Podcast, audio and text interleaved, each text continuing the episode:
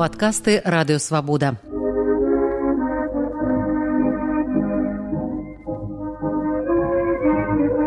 Сто гісторый пра БНР Сергеем шупам.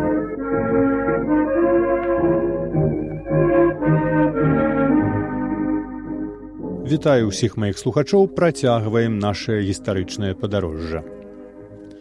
Вацлаў Ластоўскі пакінуў дзяржаўную калегію БНР, разам з ім са структураў БНР выйшаў ягоны сябры паплечнік кляўдыюш душеўскі, аўтар дызайну беларускага сцяга, але беларускай справай ластоўскі займацца не кінуў. У коўня яму знайшоўся новы занятак.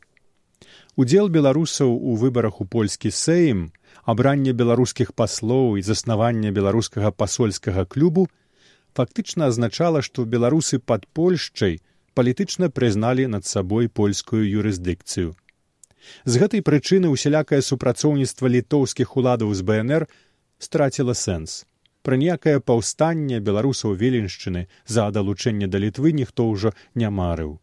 А тут яшчэ з БНР выйшаў самы галоўны сімпатызант беларуска-літоўскага збліжэння вацлаў ластоўскі літоўцы спынілі ўсялякую падтрымку ўраду бнр на чале з цвікевічам усе дачыненні замерлі а цвікевіч з калегамі абвясцілі байкот міністэрству беларускіх справаў літвы.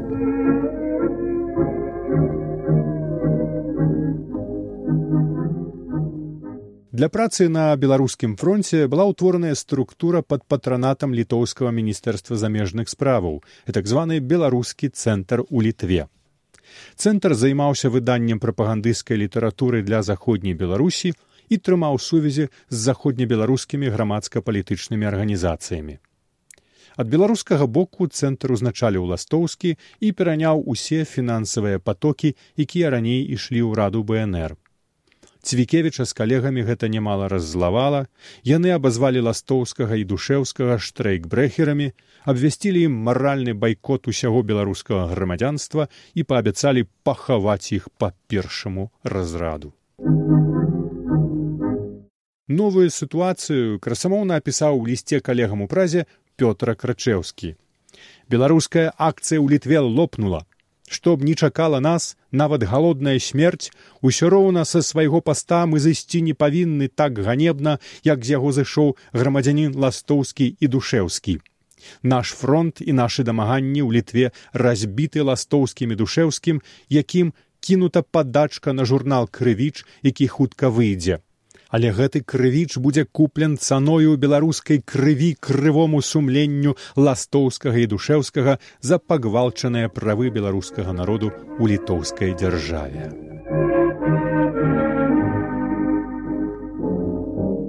23 жніўня кіраўніком ураду бнр быў прызначаны александр цвікевич Праз некалькі гадоў Пётр Крычеўскі прызнае, што Цвікевіч зусім не адпавядаў становішчу старшыні, але, на жаль, не было другой адпаведнай гэтаму становішчу асобы. Таму давялося даручыць утварэнне кабінету Цвікевічу, асабліва пасля яго раптоўнай і скромнай заявы, што яму будзе надзвычайна непрыемна, калі старшынства будзе адданае другому. Новы кабінет выступіў з дэкларацыяй, якую падпісалі старшыня прэзідыуму рады бнр пётра крычеўскі старшыня ўраду і міністр замежных справаў александр цвікевич міністр прасветы і паўнамоцны дэлегат у амерыку язэп варонка намеснік старшыні рады василь захарка дзяржаўны кантралёр лявон заяц і дзяржаўны пісар владимир пракулевич гэтак за пяць гадоў штат службоўцаў беларускай народнай рэспублікі скараціўся да шасці чалавек. А ластоўскі тым часам далей займаўся беларускай палітыкай.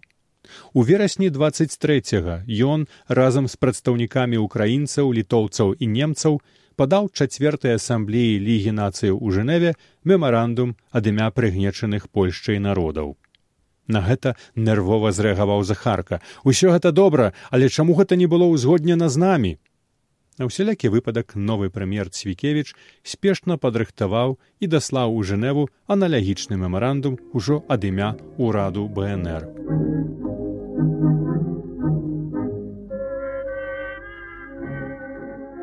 у сваім еўрапейскім падарожным дзённіку ластоўскі пакінуў магічны запіс перад выездам з жэневы сніў што я знайшоў у зямлі скарб з сярэбраных манет. Што капну то горсць серабра кругом старога пня. Урэшце адвярнуў кавалак пня аж і той сярэбраны.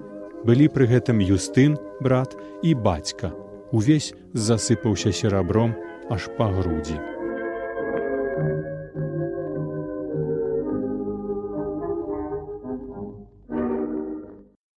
Александр Цвікевіч, заступіўшы на пасаду старшыні рады міністраў, пачаў спробы скаардынаваць беларускі нацыянальны рух, які з магутнай ракі за пяць гадоў расцёкся на дробныя ручаінкі.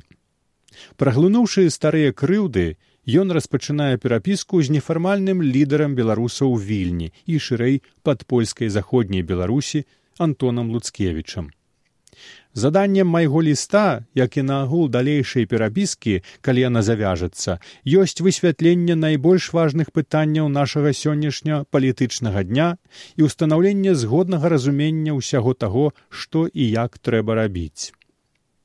Цвікевіч выступае з ідэяй стварэння агульнабеларускай палітычнай партыі сацыялістычна народніцкага кірунку якая аб'яднала б усе раскіданыя па розных краінах незалежніцкія сілы Антон Луцкевіч, нягледзячы на прыкрыя ўспаміны, якія падняло ўва мне вашее пісьмо, даслаў адказ, у якім ідэю стварэння партыі адхіліў, бо дзейнасць партыі праз шматлікія межы лічыў нерэальнай.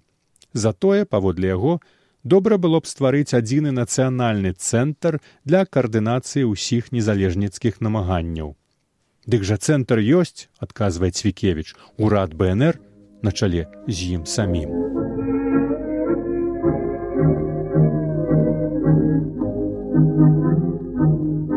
У апошнім лісце луцкевічу датаваным 6 кастрычніка 23 -го году цвікевіч закранае адну казытлівую тэму якая неўзабаве ў колах бнр загучыць на поўную моц. Тэма гэтая пераезд у менск. Ехаць на ўсход пакуль што мы лічым для справы немагчымым. Рэч не ў нашых асабістых выгодах але ў тым што адраджэнскі рух вымагае безварунковага захавання нацыянальнага цэнтру вядучага самастойную ні ад каго незалежную беларускую палітыку. Так што апрача некаторых другарадных ніхто туды не збіраецца. У гэтым прыватным лісце ўпершыню ў архівах з'яўляецца мянушка якую цвікевіч крычеўскі і захарка далі ластоўскаму і душеўскаму пара гнядых Не менш прычыніліся да пройгрышу акцыі пары гнедых, якія без ніякага сораму пайшлі на службу на цёплае месца і тым разарвалі ўсю сістэму перагавораў. Імя гэткім гнедым адно сволач хлебная публіка чыноўнікі. Для тых, хто незнаёмы з аднайменным расійскім старадаўнім рамансам, працытуем першыя радкі.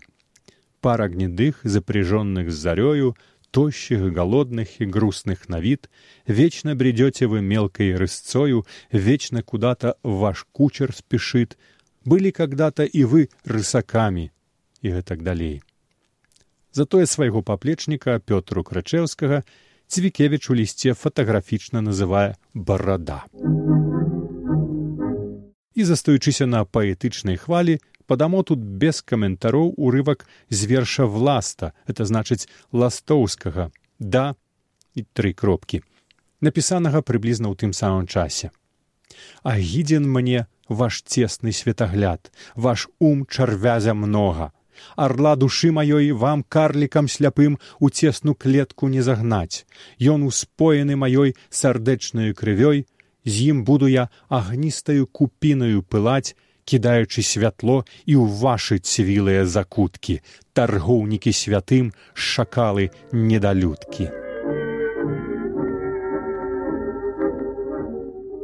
А яшчэ двое радных рады БНР, віцэ-старшыня прэзідыуму палута бадунова і сакратар язэп мамонька раптам нагадваюць спрагі пра сваё існаванне і дасылаюць старшыні прэзідыуму радай крычэўскаму ягонаму намесніку захарку ў коўна ліст з пратэстам супраць незаконнага на іх думку утварэння новага ўраду бнр на чале з цвікевічам. Урад мае абірацца пленумам рады а ва ўтварэнні гэтага ўраду бралі ўдзел толькі двое сяброў прэзідыуму тым часам як яшчэ двое бадунова і мамонька нічога пра гэта не ведалі. У лісце яны запатрабавалі каб цвікевіч спыніў сваю ўрадавую працу і здаў усе справы прэзідыуму рады бнр у далейшым для вядзення нацыянальна-палітычнай акцыі за мяжою яны запрапанавалі склікаць не пазней за першага лістапада ў празе прэзідыум рады. Калі да гэтага часу сябры прэзідыуму п. Крычэўскі і в. Захарка не дадуць ніякага адказу і не прыедуць у прагу дык мы выступім адкрыта супраць незаконнага ўраду і нарушэння вамі канстытуцыі бнр выставілі свой ультыматум аўтары ліста